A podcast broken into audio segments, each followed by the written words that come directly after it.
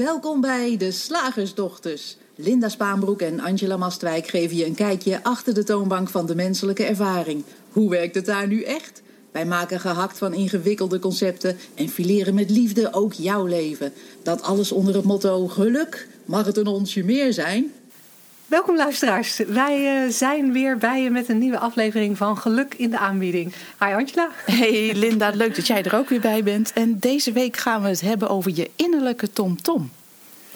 Ja, want wat zien wij veel hè, als het gaat om geluk? Dat heel veel mensen uh, op zoek zijn naar geluk. En eigenlijk... Uh, eigenlijk het liefst een routekaart zouden willen hebben waar dat geluk dan te vinden is. En als je bijvoorbeeld ook de tijdschriften erop naslaat, dan zie je ook dat uh, tijdschriften er vol van staan.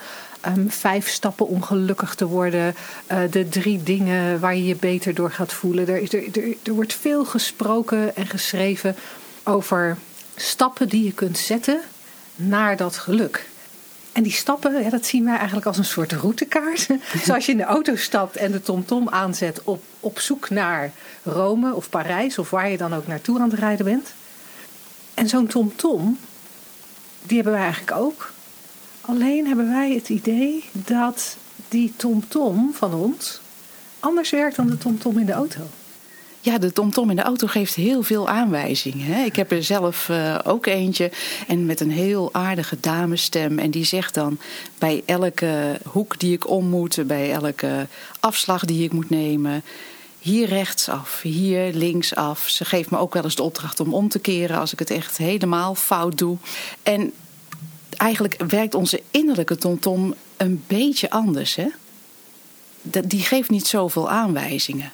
Nee, dat is een beetje lastig. Want uh, het, zou zo, het zou natuurlijk zo heerlijk zijn als je een stemmetje in je had dat zou zeggen: um, bij elke straathoek linksaf voor geluk.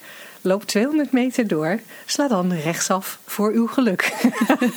maar helaas, helaas, helaas werkt dat niet zo. Ik heb vaak het idee dat we een ander stemmetje in ons hoofd hebben. Veel meer een stemmetje dat zegt: uh, als u linksaf gaat, loopt u het risico dat.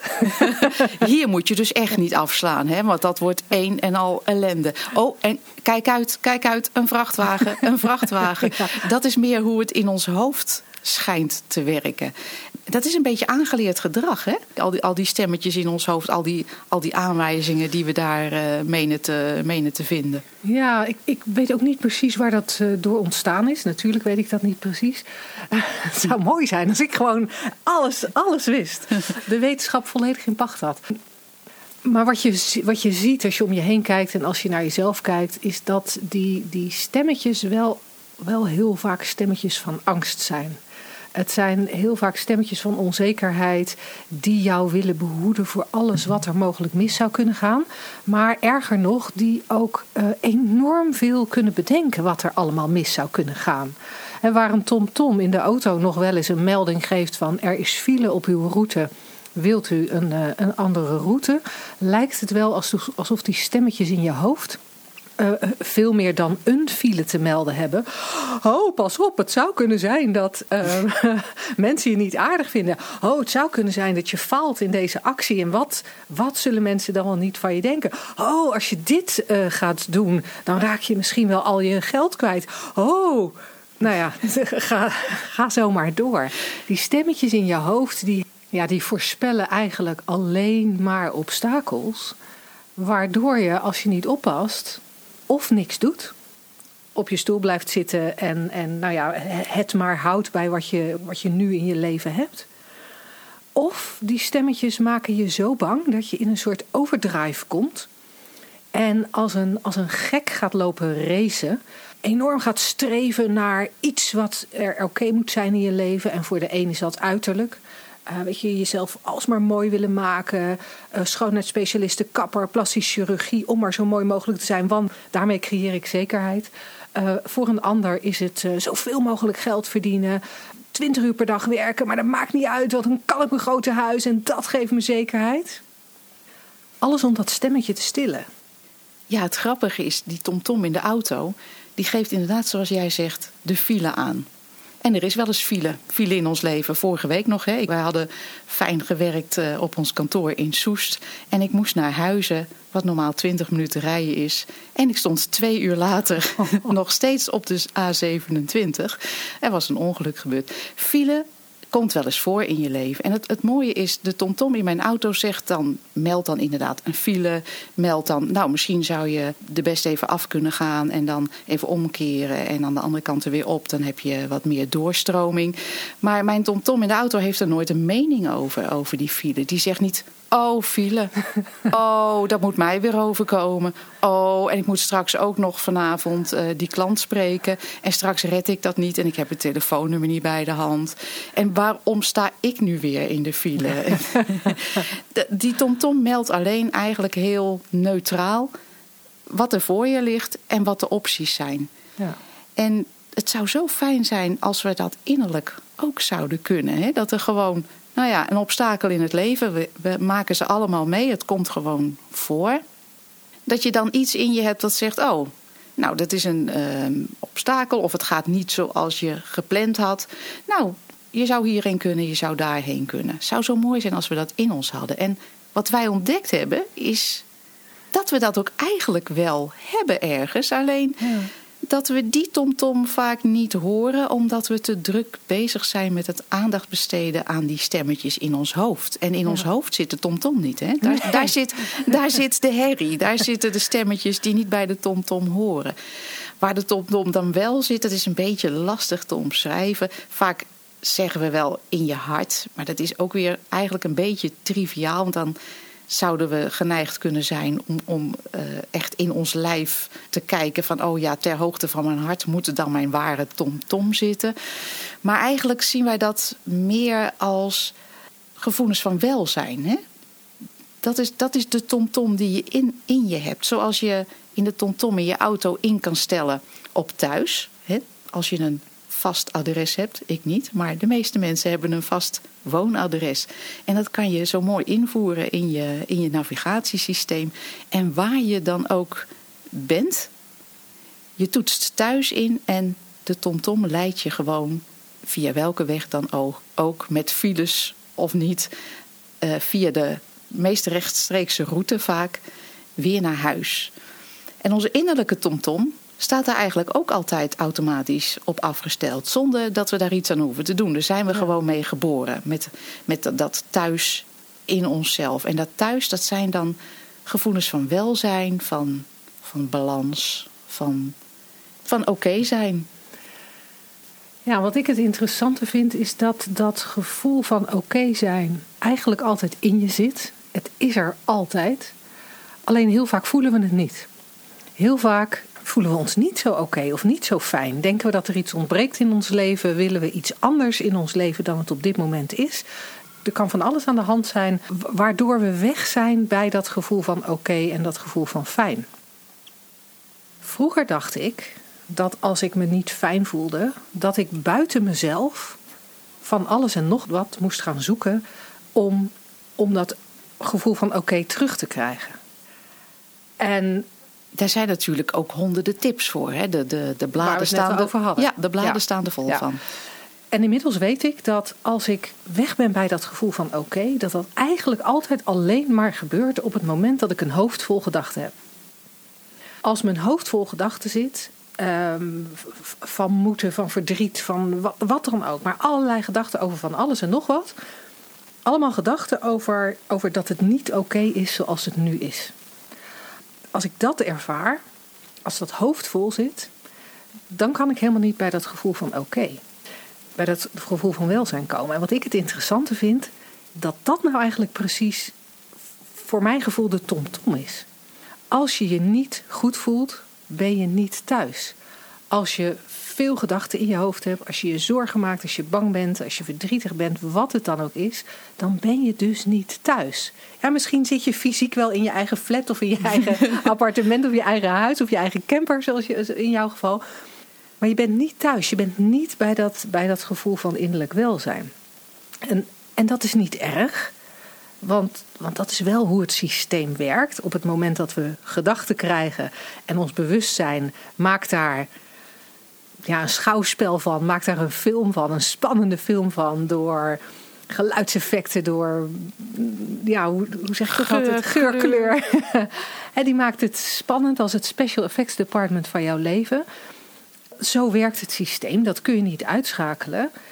Uh, maar als je weet dat dat het enige is wat jou weghoudt bij welzijn, altijd alleen maar dat samenspel is tussen gedachten en bewustzijn, waardoor je het gevoel krijgt dat er van alles anders moet in je leven en dat het allemaal niet oké is. Als je dat één keer hebt gezien, dan weet je eigenlijk waar je je innerlijke tomtom kunt vinden. Want dan weet je op die momenten dat je overstuur bent, of je niet fijn voelt, of in ieder geval niet dat thuisgevoel hebt, dat je het veel in je hoofd zit. Dat er te veel gedacht wordt. Niet erg? Nee. Gaat vanzelf weer over. Maar het is wel een aanwijzing dat achter die gedachten aanlopen. Het is jammer dat onze luisteraars mij nu niet zien wijzen. Want ik zit die hele mooie bewegingen te maken. Maar als je achter die gedachten gaat aanlopen. Als je gaat doen wat je op basis van die angstige of onzekere gedachten denkt dat er moet gebeuren om van dit nare gevoel af te komen. Dan loop je eigenlijk de verkeerde kant op. Dan loop je eigenlijk juist weg bij dat goede gevoel. Realiseer je dat? Realiseer je, oké, het zijn alleen maar gedachten. Ze lijken heel erg echt. Maar het enige wat ik hoef te doen is wachten tot ze weg zijn. Want het goede gevoel zit echt in me. Thuis is er altijd, ook al kan ik het nu even niet herkennen. Dan hoef je niet weg te lopen, de andere kant op, achter je onzekerheid of je angst aan. Maar dan kun je wachten tot je gedachten stillen. En dan ben je automatisch weer thuis. Dan is het al heel, ja, heel snel, veel sneller weer oké. Dus eigenlijk uh, hebben wij een TomTom die, de, de, die een hele snelle route naar thuis weet. Dat is eigenlijk gewoon het doorzien dat de stressvolle gedachten die je in het moment hebt, laten we maar even stressvol alles noemen wat niet fijn voelt, dat als, als je die zou kunnen doorzien en daarmee oplossen, dan ben je al thuis. Dat is ja. prachtig. Dus onze innerlijke tomtom zegt nooit van nou, je bent nu wel een heel eind bij thuis vandaan en er moet van alles gedaan worden en allerlei afslagen genomen worden en 36 keer de hoek om voordat jij een keer thuis bent. Onze innerlijke tomtom werkt dus veel sneller. Het is maar één gedachte ben je er vandaan. Ja. En dat is natuurlijk mooi. En terwijl ik naar jou luisterde, moest ik ook ineens denken aan uh, de wegen in Portugal. En dan met name die ene snelweg die door de Algarve loopt. Wij, wij mhm. brengen nog wel eens tijd door in Portugal de afgelopen jaren. En uh, er is uh, één, één tolweg in, in het zuiden waar je dan overheen rijdt naar je zonnige bestemming. Heel fijn. En daar staat altijd dan een groot bord langs de weg met Guias Sonoras. En voor de Portugees sprekende luisteraars hoop ik dat ik dit goed uitspreek. Maar in ieder geval, wat er daar aangegeven wordt, is dat er langs de, langs de kant van de rijbaan zijn stroken neergelegd met een bepaald soort relief. En als je daar met je banden op komt, omdat je even van de weg afraakt, dan maakt dat herrie. Ja. Is ook heel handig voor, voor vrachtwagenchauffeurs die daar rijden. Als ze, mochten ze in slaap vallen en uh, van de weg afraken, dan worden ze hopelijk door die guias sonoras wakker gemaakt. En ik dacht, ja, als we dan toch in de metaforen met, uh, met onderweg uh, bezig zijn, dacht ik, dat is ook een soort, uh, zo zou je het ook kunnen zien. Van onze ongemakkelijke gevoelens, onze stressvolle gevoelens zijn eigenlijk onze guias sonoras. Die, die schudden ons een beetje wakker van, hé, hey, je bent van de weg af. En dan is, is de weg onze gevoelens van welzijn die altijd uh, in ons zitten. Het is eigenlijk een soort wake-up call. En we denken dan vaak: oh, oh, oh, die gevoelens die zeggen iets over de buitenwereld. Ik heb stress omdat uh, mijn partner uh, bepaalde dingen doet of zegt. Ik heb stress omdat het druk is op mijn werk. Ik heb stress omdat er iets met mijn kind aan de hand is of wat dan ook. Hè. We, we, denken vaak, oh, ik zit op zo'n rumble strip, hoe noem je dat? Zo'n guia. Een ribbelstrook noemen een ribbelstrook. in Nederlands. Nou, hebben we gelijk een mooi Nederlands woord. Ik zit op zo'n ribbelstrook omdat er in de buitenwereld iets aan de hand is. Maar de enige manier waarop we op zo'n ribbelstrook terecht kunnen komen is omdat we eventjes niet op het stuur letten en eventjes heel veel aandacht besteden aan een stressvolle gedachte en daarmee een stressvol gevoel hebben. Ja. En krijgen we gelukkig een wake-up call. Ja, en dat zou super gaaf zijn als onze luisteraars dat zien. Dat, dat als je die ribbelstrook raakt, hè, als je je echt naar gaat voelen, dat dat, niet een, dat dat niet een teken is, ik moet harder gaan werken. Het is niet een teken van, ik moet, moet meer gas geven.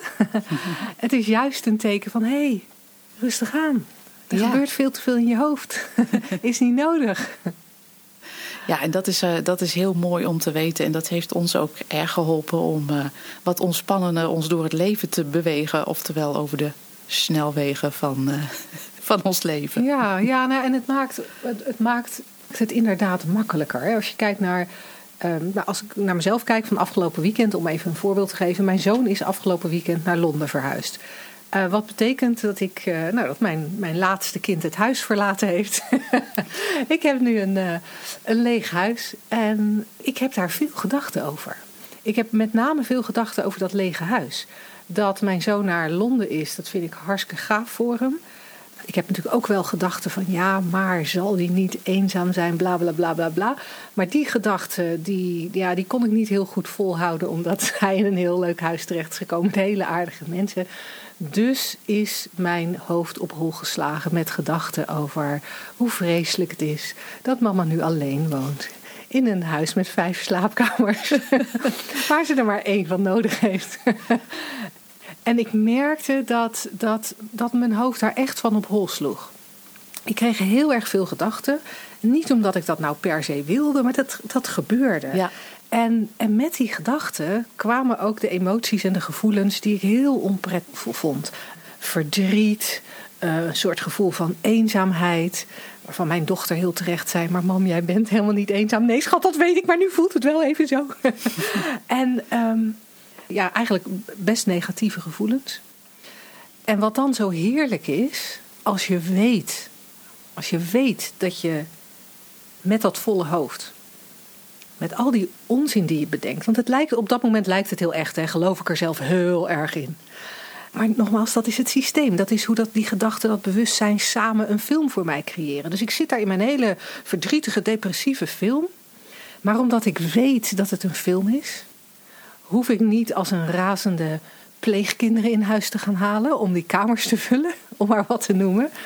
Maar ik weet dat ik gewoon kan wachten tot er nieuwe gedachten zijn. En die komen altijd. En, en soms duurt het even. Deze ronde duurde het een paar dagen. Dat was best wel lang voor mij doen. Duurde het een paar dagen. Maar als dan, als dan die nieuwe gedachten weer komen, dan merk je ook gelijk dat, dat, dat je je anders voelt. En dat je weer dichter bij huis bent. Letterlijk en figuurlijk. Letterlijk en ja, in, in, in dit geval helemaal. Omdat het zo met huis te maken heeft. Maar ik hoop vooral dat onze luisteraars eraan zien dat het is niet erg om gedachten te hebben en de bijbehorende gevoelens. Zolang je ziet dat die gedachten niet waar zijn, dat het alleen maar gedachten zijn, kun je veel makkelijker weer terug naar huis. Leidt jouw innerlijke tomtom je weer veel makkelijker naar dat, naar dat welzijn en dat gevoel van oké zijn. Mooi om te weten. Hè? Kunnen we weten. over naar de wetenschap?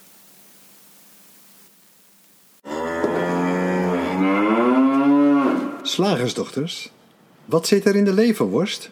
Oftewel, tijd voor wat wetenschap.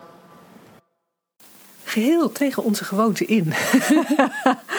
uh, normaal gesproken is de wetenschap uh, Angela's hoekje. Ja. En, uh, en vandaag hebben we dat voor een keer gewisseld. En ga ik met je praten over de wetenschap.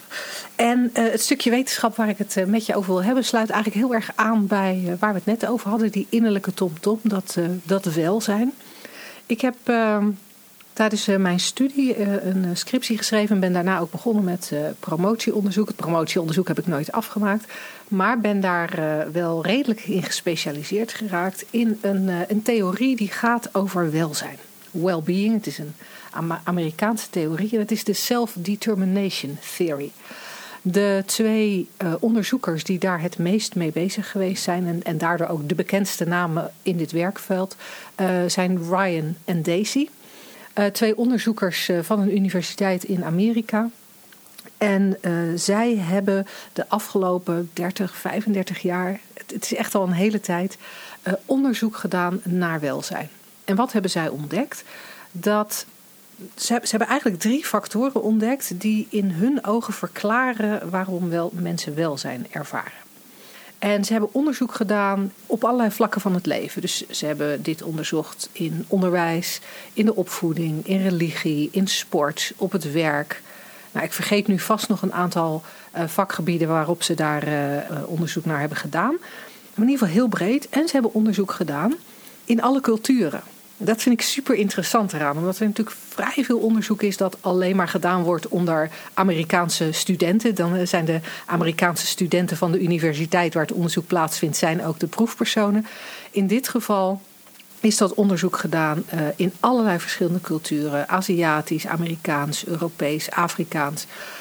Culturen ook waarvan wij over het algemeen zeggen dat die zeer uiteenlopen, um, ook als het gaat over hoe mensen in het leven staan en hoe ze geluk en welzijn ervaren. En wat ik het leuke vind en het interessante vind, is dat op al die vlakken, sport, religie, onderwijs, you name it, en al die culturen, er drie factoren blijken te zijn die het welzijn van mensen bepalen. Wordt er aan die drie factoren, en zij noemen het psychologische factoren, en wij hebben het natuurlijk ook vaak over psychologische principes, wordt er aan die drie psychologische factoren voldaan, dan is er sprake van uh, welzijn. Uh, en, over het, en, en, en dan weten ze ook nog een link met motivatie te trekken. Maar daar kom ik zo meteen graag op. Wordt er aan die drie factoren voldaan, of naarmate er meer aan die drie factoren wordt voldaan, ervaren mensen meer welzijn? Ja, die drie factoren, dat zijn de volgende. Uh, de eerste is een gevoel van competentie.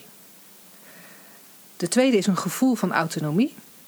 En de derde is een gevoel van relatedness, zeggen ze in het Engels. In het Nederlands vertalen we dat vaak als verbondenheid in het Engels met die competentie, autonomie en relatedness kan je dat mooi als car aangeven. Om maar in het thema van ons TomTom -tom te blijven.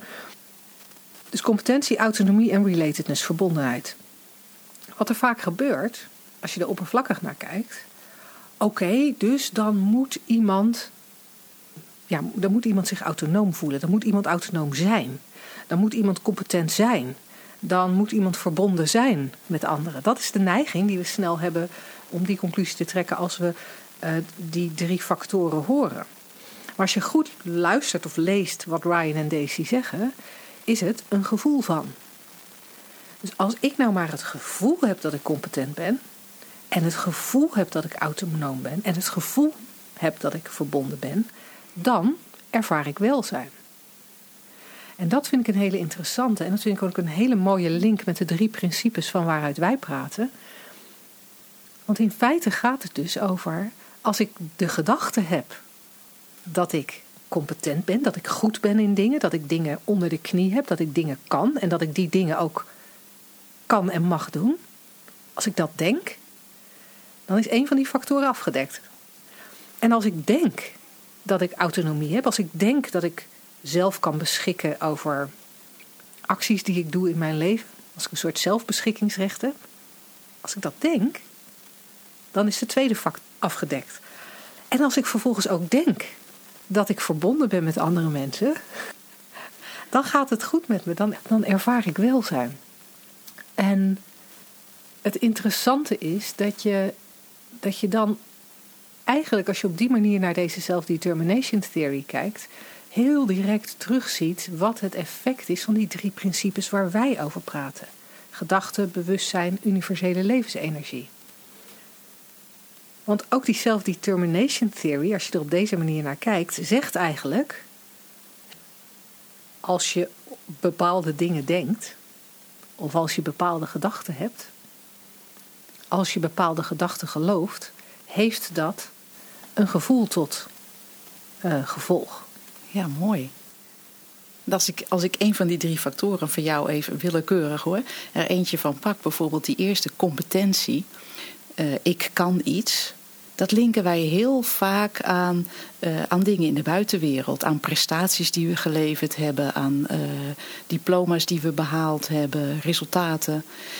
Terwijl als je, als je goed kijkt. Ik denk dat ik nog nooit een westerse mens ben tegengekomen die, die van zichzelf echt, echt dacht en voelde: ik ben goed genoeg. Ik ben goed genoeg. Ik ben niet perfect. Ik zal misschien hier en daar een steekje laten vallen. Ik word wel eens boos. Ik kan niet alles. Ik kan niet een uh, vijfgangen menu uh, koken zonder uh, een rotzooi ervan te maken en de boel in de soep te laten draaien.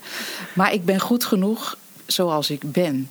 En ik vind het, vind het heel mooi om er op deze manier naar te kijken zoals jij aangeeft. Ehm, het heeft zo'n zo'n gevoel van ik ben goed genoeg, heeft helemaal niets te maken met wat je in de buitenwereld neerzet of, of uh, wat je gepresteerd hebt. Heeft alleen maar te maken met wat geloof ik over mezelf. Ja.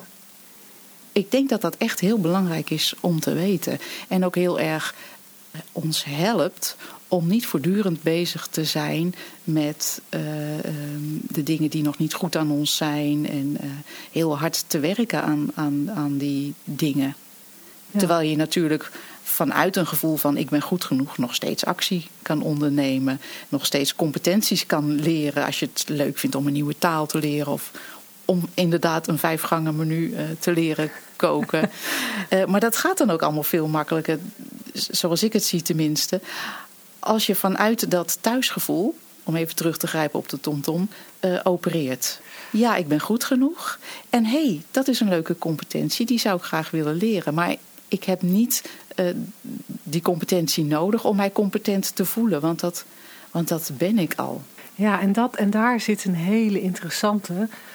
Um, want als je kijkt naar de theorie van Ryan en Daisy, dan, dan, dan kijken zij vanuit wat in onze ogen een oud paradigma is. Ja. Zij kijken vanuit het paradigma dat, dat de dingen in de buitenwereld ons ja, beïnvloeden, maken dat wij ons voelen zoals we ons voelen. Uh, dus vanuit dat paradigma gezien vindt, vinden Ryan en Daisy ook dat je dus in de omgeving moet zorgen dat een kind zich competent kan voelen, dat een kind zich verbonden kan voelen, dat een kind zich autonoom kan voelen.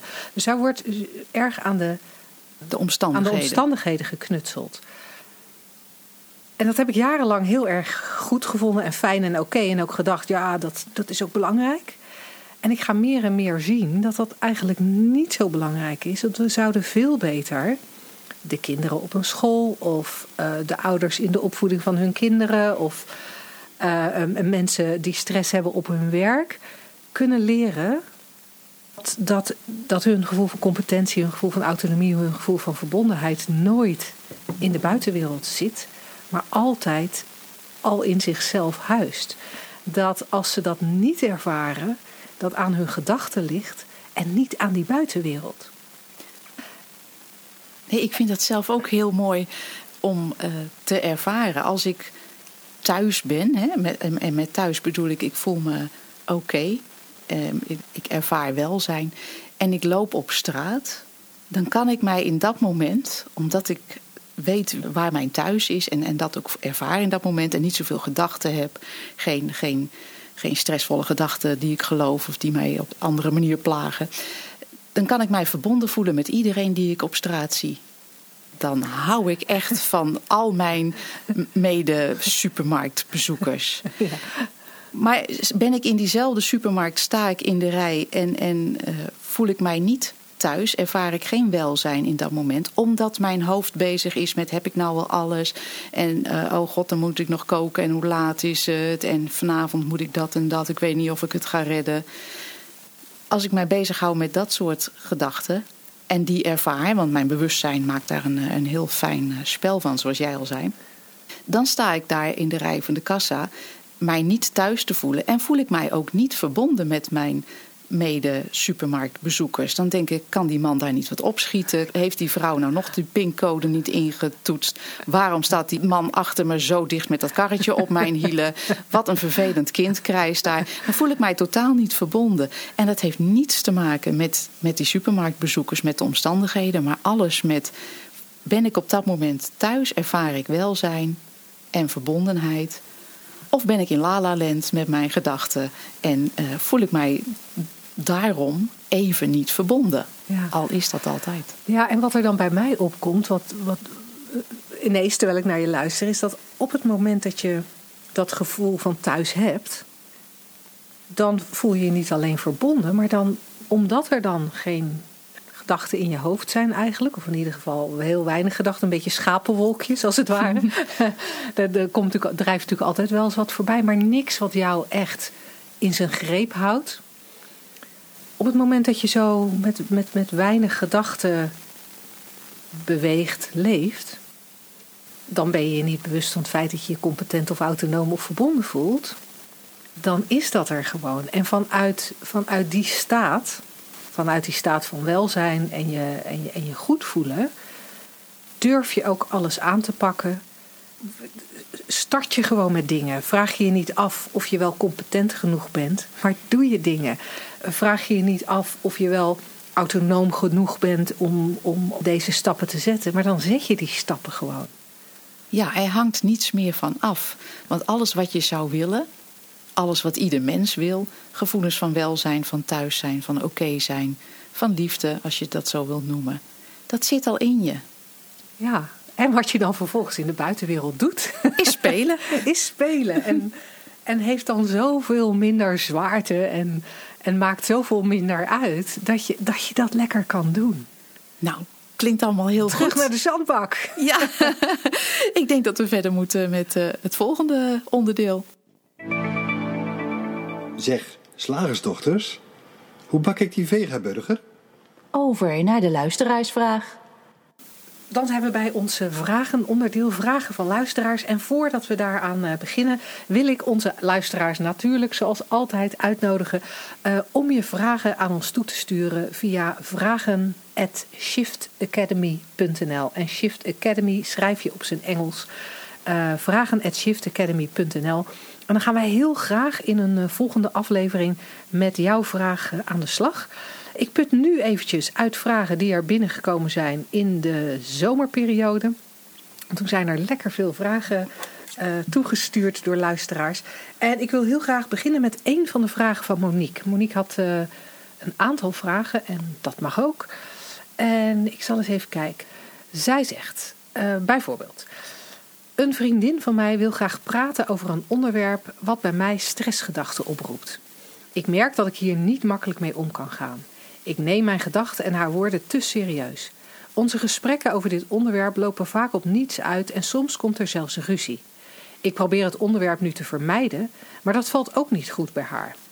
Misschien wil ik een te goede vriendin zijn? Ik hoor heel graag jullie gedachten hierover. Oh, wat een hele coole vraag zeg. Want als we naar de eerste zin luisteren van deze vraag, hebben we direct eigenlijk het misverstand te pakken wat ten grondslag ligt eigenlijk aan deze hele situatie uh, die Monique dan steeds ervaart. Want zij zegt dat er een onderwerp is, een onderwerp waar zij het dan met haar vriendin over wil hebben, dat bij haar stressgevoelens oproept. En daar hebben we natuurlijk direct al het misverstand te pakken wat wij zo graag ophelderen en wat ons leven zoveel makkelijker heeft gemaakt. Het misverstand dat een onderwerp, welk onderwerp dan ook, iets bij ons van binnen kan oproepen. Een bepaald gevoel. Zoals Monique aangeeft, een stressgevoel. En dat is in de kern gewoon niet waar. Want welk onderwerp in het leven je ook vastpakt, het onderwerp zelf bestaat eigenlijk uit een verzameling gedachten. En soms hebben we een onderwerp, bijvoorbeeld je kind uit huis, dat is nu even actueel voor jou, Linda. Voor mij was dat een aantal jaren geleden het geval.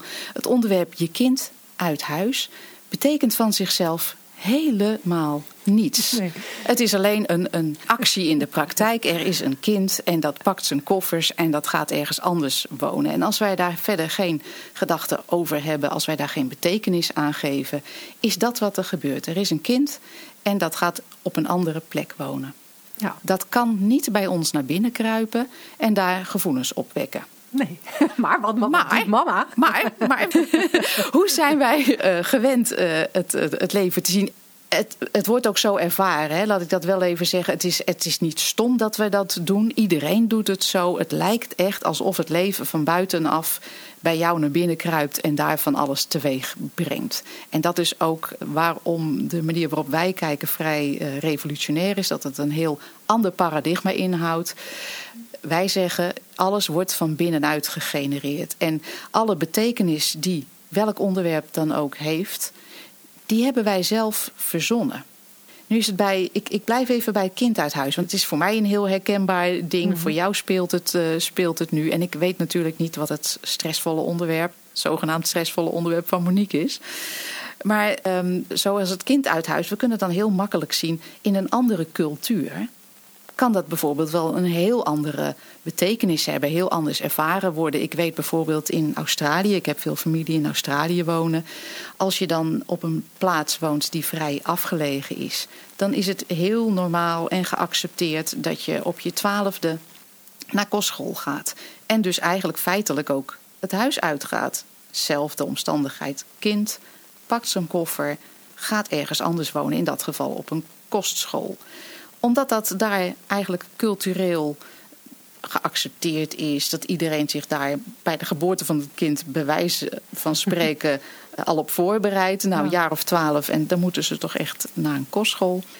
Wordt dat anders ervaren? Niet omdat het feit op zich anders is, maar omdat daar andere gedachten overheersen. Nou, dat is in culturele verschillen al heel moeilijk te zien. En dan zeggen wij ja, maar bij mij werkt dat toch even anders. Maar de enige manier waarop het anders kan werken is omdat wij er anders over denken, andere betekenis aangeven, andere gevolgen bij bedenken, andere, bij een ander stressvol onderwerp, andere oorzaken uh, bij verzinnen.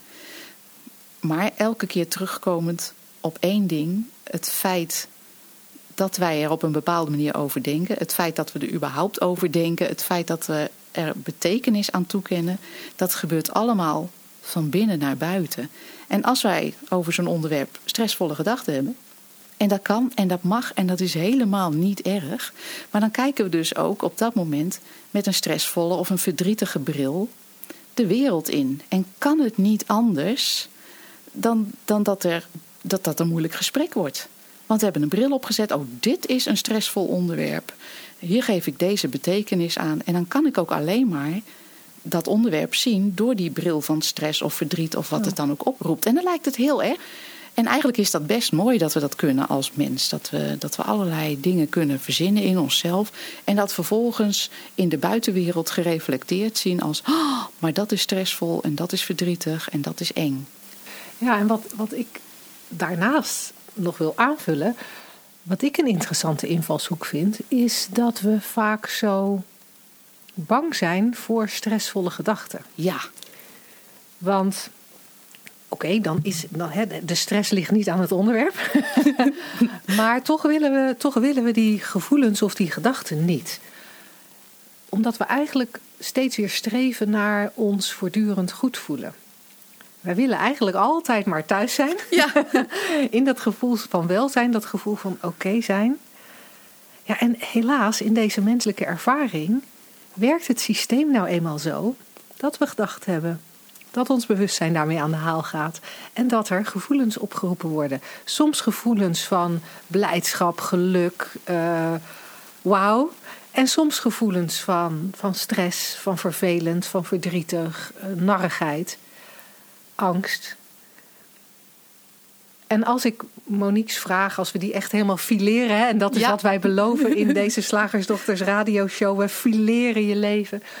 Als we deze vraag fileren, dan is dat ook een aspect daarvan. Waarom is het erg om stressvolle gedachten te hebben? Waarom is het erg om een gesprek te hebben met een vriendin waar, waar, waarbij er emoties opkomen? Omdat jij stressvolle gedachten krijgt. En waarom is het erg dat die vriendin op haar beurt waarschijnlijk ook stressvolle gedachten krijgt en dingen tegen jou gaat zeggen vanuit haar eigen onzekerheid, angst, in ieder geval vanuit haar eigen situatie waarin ook zij even niet thuis is. Want als je dat kan zien, Monique, dat zowel jij als de vriendin waar het over gaat, op het moment dat jullie dit onderwerp aansnijden, allebei niet thuis zijn, eigenlijk allebei een gemoedstoestand hebben, of al heel snel in een gemoedstoestand terechtkomen, die voor jullie beiden niet fijn is, dan kan je ook anders naar je, naar, naar je vriendin kijken. Dan kan je vermoedelijk ook meer naar haar kijken. Jeetje, wat wordt ze gegrepen door haar gedachten? Jeetje, wat neemt ze haar gedachten op dit punt serieus? Jeetje, wat maakt haar bewustzijn er een realistische film voor haar van? Zodat ze ja, overstuur raakt, zich niet lekker voelt, ehm, boos op mij wordt, wat die gevoelens dan ook zijn die bij die vriendin opgeroepen worden. Ja, dat is een hele mooie aanvulling, Linda. Want dat is inderdaad een ander aspect wat we vaak over het hoofd zien. Dat gevoelens gewoon niet meer zijn dan gevoelens en die mogen gevoeld worden. Ja, en, en wat ik dan als laatste nog eraan toe wilde voegen, dat dit allemaal gezegd hebbende, zijn er ook dingen in het leven waar je gewoon geen zin in hebt, die je niet zo leuk vindt. Nee. zoals jij wel vaker het voorbeeld gebruikt, dat je weet dat groene groenten goed voor je zijn. Maar als je in de supermarkt loopt, ga jij toch altijd aan de postenlijn voorbij en kies je liever voor de broccoli of iets anders waar vitamintjes in zitten dan de postenlijn, omdat jij gewoon niet van postenlijn houdt. En die mogelijkheid hebben we als mensen ook altijd nog. Nee, hoeft voor mij niet. Dit gesprek over dit onderwerp, nee, dank je. Dus daarmee, Monique, uh, hoop ik dat we je een, uh, een rijtje aan opties hebben geboden. En, uh, en, en, zie ik uh, dat we nog wat tijd over hebben voor een, voor een volgende vraag. Kijk eventjes. Um... Ja, we zijn lekker lang op vakantie geweest en in de tussentijd hebben onze luisteraars de gelegenheid gehad om veel vragen bij zichzelf op te roepen en die bij ons neer te leggen. Vinden we ontzettend fijn. Ja, nou en ik, ik vind het leuk om dan nog een, eh, een tweede vraag van Monique aan te snijden. Dan is dit echt het, vragen, het, het, het vragenmoment voor Monique. Monique, we gaan door met het fileren van jouw leven. Ik hoop niet dat je er spijt van hebt dat je al deze vragen hebt, uh, hebt ingestuurd. Een andere vraag van Monique is: Mensen kijken vaak op als ik geen mening over iets heb. Ze vinden me dan vlak. Soms denk ik, oké, dan ben ik vlak. En toch merk ik dat ik waarde hecht aan de term vlak. En niet op een leuke manier. Hoe kan ik dat neutraler gaan zien? Dus als ik het goed lees, hoe kan Monique meer oké zijn met het feit dat zij ergens geen mening over heeft, maar dat andere mensen wel mening hebben over haar gebrek aan mening. oh, dat is heel grappig. Ik zat toevallig uh, van de week in gesprek met een kunstenares die ja, op haar eigen unieke wijze haar eigen unieke leven leidt en daarbij wat voorkeuren heeft die misschien niet andermans voorkeuren zijn. Bijvoorbeeld echt, het is echt een heel praktisch dingetje. Zij loopt het liefst het hele jaar door op uh, blote voeten in teenslippers. Mm -hmm. Ook gewoon als het vriest tijdens de kerstdagen. Op het ijs, teenslippers. Tijdens de begrafenis. Ja, en dat heeft zij al van jongs af aan, vond ze dat een goed idee. En al van jongs af aan wordt zij daar nou, op aangevallen, is een, is een groot woord. Maar in ieder geval um, opgewezen dat dat niet normaal is. Vroeger op school al met haar moeder gebeld. U kunt uw kind echt niet naar school sturen met dit weer en deze schoenen. Die zij stiekem in, de, in het schuurtje had omgewisseld. Want haar moeder vond ook dat ze sokken en schoenen aan moest. En wij hadden het daarover als een van de voorbeelden waarin zij nogal uh, eigenwijs haar gang gaat. En zij zei: waarom moeten mensen hier nou een mening over hebben? En ik zou zo graag willen dat iedereen mij gewoon mijn gang liet gaan hierin. Ja. En toen zei ik, lieve schat, wat grappig, want waarom vind jij dat mensen op een bepaalde manier uh, moeten zijn? Eigenlijk doe je dan precies hetzelfde. Zij vinden dat jij niet op blote voeten mag lopen. Maar jij vindt op jouw beurt dat zij niets van jouw blote voeten mogen vinden. Kunnen wij zien dat hier hetzelfde systeem aan het werk is? Waarna zij heel even stilviel en zei: Ja, dit vind ik zo flauw. Want nu moet ik mijn levenslange uh, strijd tegen de mensen die iets vinden van mijn blote, blote voeten opgeven. Want ik geloof dat je hier een punt hebt. en, en misschien is het voor Monique een beetje hetzelfde. Dat, ja, je hoeft inderdaad nergens een mening over te hebben. Ik zeg wel eens, als iemand uh, van de 7000 aardbewoners, of inmiddels 7,5 miljard bedoel ja, ik. 7.500, dat zou heel erg uh, gezellig zijn. 7,5 miljard aardbewoners een andere mening over iets heeft dan, uh, dan, dan de rest, dan hebben we het al niet meer over waarheid. En ja, dan kan het implicatie zijn voor, voor ons om te denken: nou ja, dan hoef ik helemaal geen mening meer te hebben. Dat mag. Dat mag. En blijkbaar is dat een implicatie die, uh, die bij Monique speelt. Ik zie dat mijn mening er eigenlijk helemaal niets toe doet. Dus uh, ik, ik hoef hem niet te hebben. Nou, helemaal, helemaal prima. Maar uh, dan kan je misschien ook zien dat een ander ook vrij is in zijn mening over jou geen mening hebben. Omdat iedereen nou helemaal hetzelfde werkt. Als je je gedachten gelooft, dan is dat voor jou waar en wordt daarmee in dat moment jouw realiteit vormgegeven. En uh, ja, als je niet ziet dat dat is wat je doet, dan heb je ook de neiging om daarop te reageren en daar je gedrag om aan te passen. Dus je denkt, nou, ik vind het echt heel stom dat Monique geen mening heeft. Dat klinkt voor mij waar, dat voelt voor mij waar. En dan ga ik ook nog eens tegen haar zeggen: Monique, ik vind het raar dat jij geen mening hebt.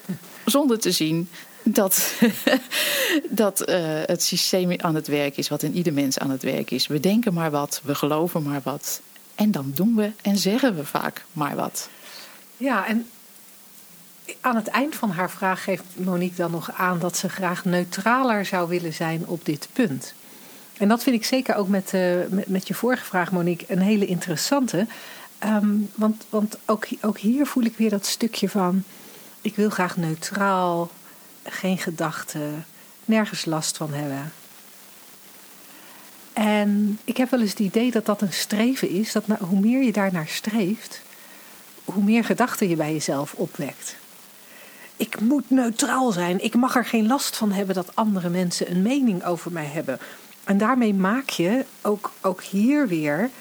Eh, maak je het juist echt. net als we bij, bij de vorige vraag van Monique het hadden over het, het stressvolle onderwerp dat echt wordt, wordt hier ook het, het neutraler moeten zijn of willen zijn, of het niet mogen hebben van gevoelens of emoties, wordt heel erg een ding. Je gaat je erop focussen en uh, uh, je gaat er meer gedachten over creëren, waardoor je het in mijn ogen meer in stand houdt. Waardoor je eigenlijk een soort gedachtenstormpje creëert uh, over, over dat neutraal zijn.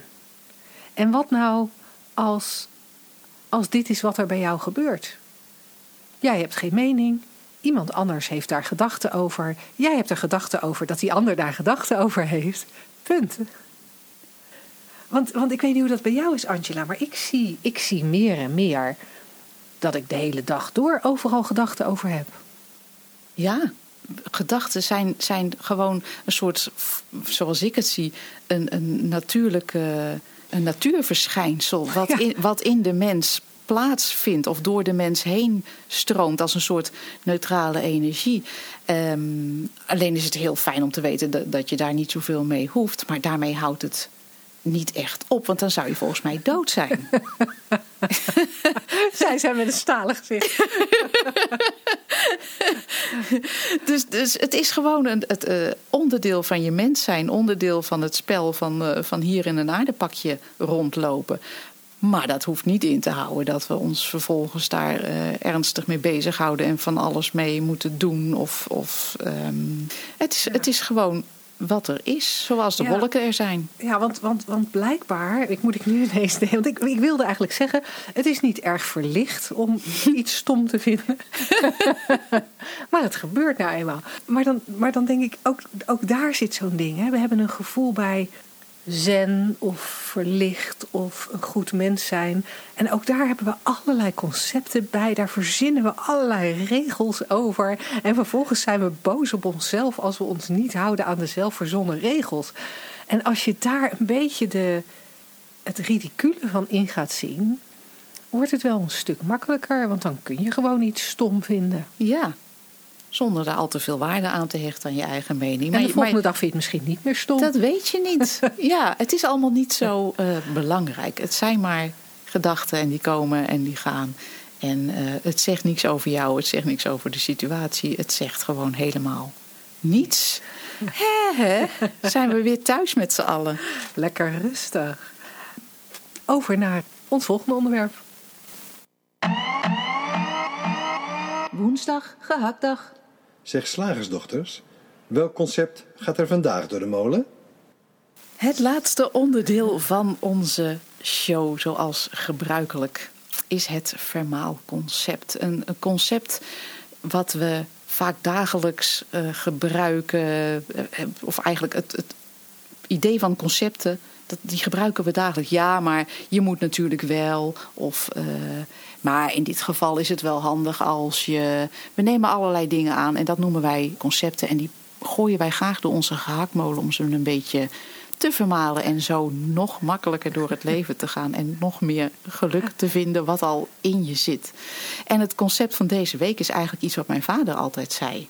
Ik dacht, die neem ik eens voor de verandering.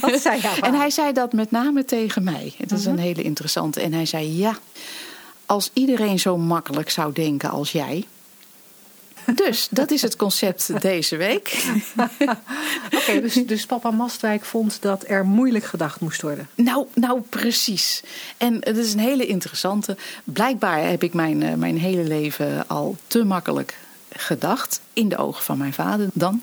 Want vroeger had ik nog wel eens de neiging, als dus bijvoorbeeld mijn vader, we houden maar even, even dat, eh, dat aan, een probleem dacht te hebben en, en het daarover had dan in mijn hoofd gebeurde er dan niet zoveel en leek de oplossing heel erg simpel. En misschien is dat wel herkenbaar ook voor luisteraars. Als iemand anders met een probleem komt, denk je nou, ik, dan doe je toch gewoon zus. Of dan doe je toch gewoon zo. Want het mooie is, andermans problemen zijn niet jouw gedachten. Jij voelt ze niet. En daarom ben je veel helderder, ben je veel meer thuis. En heb je ook veel makkelijker een oplossing voor het probleem van die ander. Heel handig om te weten. Dus dan zei ik, nou ja, dan doe je toch gewoon zus of dan doe je toch gewoon zo. En dan zei mijn vader, ja, ze allemaal zo makkelijk zouden denken. En ik zei het nooit tegen hem, maar ik dacht er dan gelijk achteraan. Dan was het leven dus makkelijk. en wat is daar het probleem van? ik zag dat allemaal eh, niet zo somber in. Maar dat, dat makkelijk denken en dat dat niet mag, dat is eigenlijk het, uh, het concept wat ik hier graag wil vermalen. En uh, zoals ik al zei, een probleem van een ander, dat nemen wij niet persoonlijk. Tenzij het vaak een probleem van ons kind is of van onze partner, dan gaan we het weer wel persoonlijk nemen. Maar bijvoorbeeld, je kijkt naar de tv en je ziet daar mensen die hebben problemen met financiën, problemen met hun gewicht, problemen met hun huis waarin geklust moet worden. Ik noem maar wat, hè? een kleine greep uit wat er zoal dagelijks op de buis verschijnt. En je zit daarnaar te kijken en omdat het niet jouw gedachten zijn die daar vorm krijgen, omdat het niet jouw gevoelens zijn uh, betreffende dat onderwerp, omdat jij dat hele onderwerp niet bij elkaar hebt verzonnen, is het vaak heel simpel voor de kijker. Jeetje, al vier jaar aan het klussen. Huur iemand in. Neem een bijbaan, huur iemand in. Of jeetje, kamp je al twintig jaar met overgewicht? Nou, uh, weet je, luister een beetje naar je lichaam en uh, drie maaltijden per dag en niet snoepen. Wat is het probleem? Ja. Of, uh, oh, je kind uh, doet het niet goed op school. Jeetje, als je kijkt naar de meest succesvolle ondernemers ter wereld, die deden het ook niet goed op school. Maak je niet druk, weet je. Dan doe je dat kind gewoon naar een school waar ze geen CITO-toetsen hebben. het is altijd heel makkelijk om voor een ander dat soort problemen op te lossen, omdat je daar heel makkelijk over denkt. En het concept wat ik wil vermalen is dat dat geen goed idee is. Want stel je nou eens voor dat alle problemen die je in jezelf ervaart, of dat nu met je huis, met je gewicht of met je kind is, of wat dan ook, als je daar naar zou kunnen kijken als, als neutrale buitenstaander. Omdat je een klein beetje naar die slagersdochters hebt geluisterd. en snapt hoe het systeem in elkaar zit. Oh, wacht even, ik zie dit als een groot probleem. Het betekent alleen maar dat ik mijn gedachten in deze richting heel erg serieus neem. Dat ik er niet voorbij kan kijken. Maar ergens weet ik dat ik de oplossing ook al gezien heb. En die zal ik ook kunnen uitvoeren als ik uh, het niet meer zo persoonlijk neem. Als ik weet dat dit maar gedachten zijn. Als ik thuis kom. Terug in dat welzijn. Want daar zit ook helderheid. Hè? Hebben we niet zoveel genoemd in deze, in deze uitzending. Maar helderheid is altijd beschikbaar. Ook als je thuis bent. Om makkelijk beslissingen te nemen. Om makkelijk uh, je problemen op te lossen. Dus ja, eigenlijk is, is dat waarmee ik het concept wil vermalen van als we allemaal zo makkelijk zouden denken, zou dan het leven niet gewoon makkelijk worden? Nou, ik denk dat het leven dan niet alleen makkelijk zou worden, maar dat het leven eigenlijk al makkelijk is. Ja. Maar dat, we, dat wij het zelf met al die ideeën die we hebben over het is toch zwaar en het is toch moeilijk en da, da, da, da, da, da, da, da. En, en, en dit is één van de concepten, maar die, die we nu proberen te vermalen, of die, we, die jij heel uh, rigoureus hebt vermalen. Maar we hebben zoveel andere concepten nog in ons leven. Die, die we geloven en waar we naar leven. En die ervoor zorgen dat, dat het alles bij elkaar moeilijk lijkt te moeten. En het hoeft echt niet. En als je een beetje in die richting gaat kijken. Het mag ook makkelijk, het kan moeiteloos. En dat is natuurlijk wat wij met Shift Academy altijd zeggen. Moeite, moeiteloos leven en werken, dat kan echt. Dan, dan gaat er een wereld voor je open. nou, ik denk dat we het hierbij moeten houden voor deze uitzending. Dankjewel luisteraars dat je erbij was vandaag, dat je naar ons geluisterd hebt. Vergeet niet, je kunt je vragen altijd bij ons kwijt via vragen@shiftacademy.nl en we spreken je heel graag de volgende uitzending. Tot, Tot dan.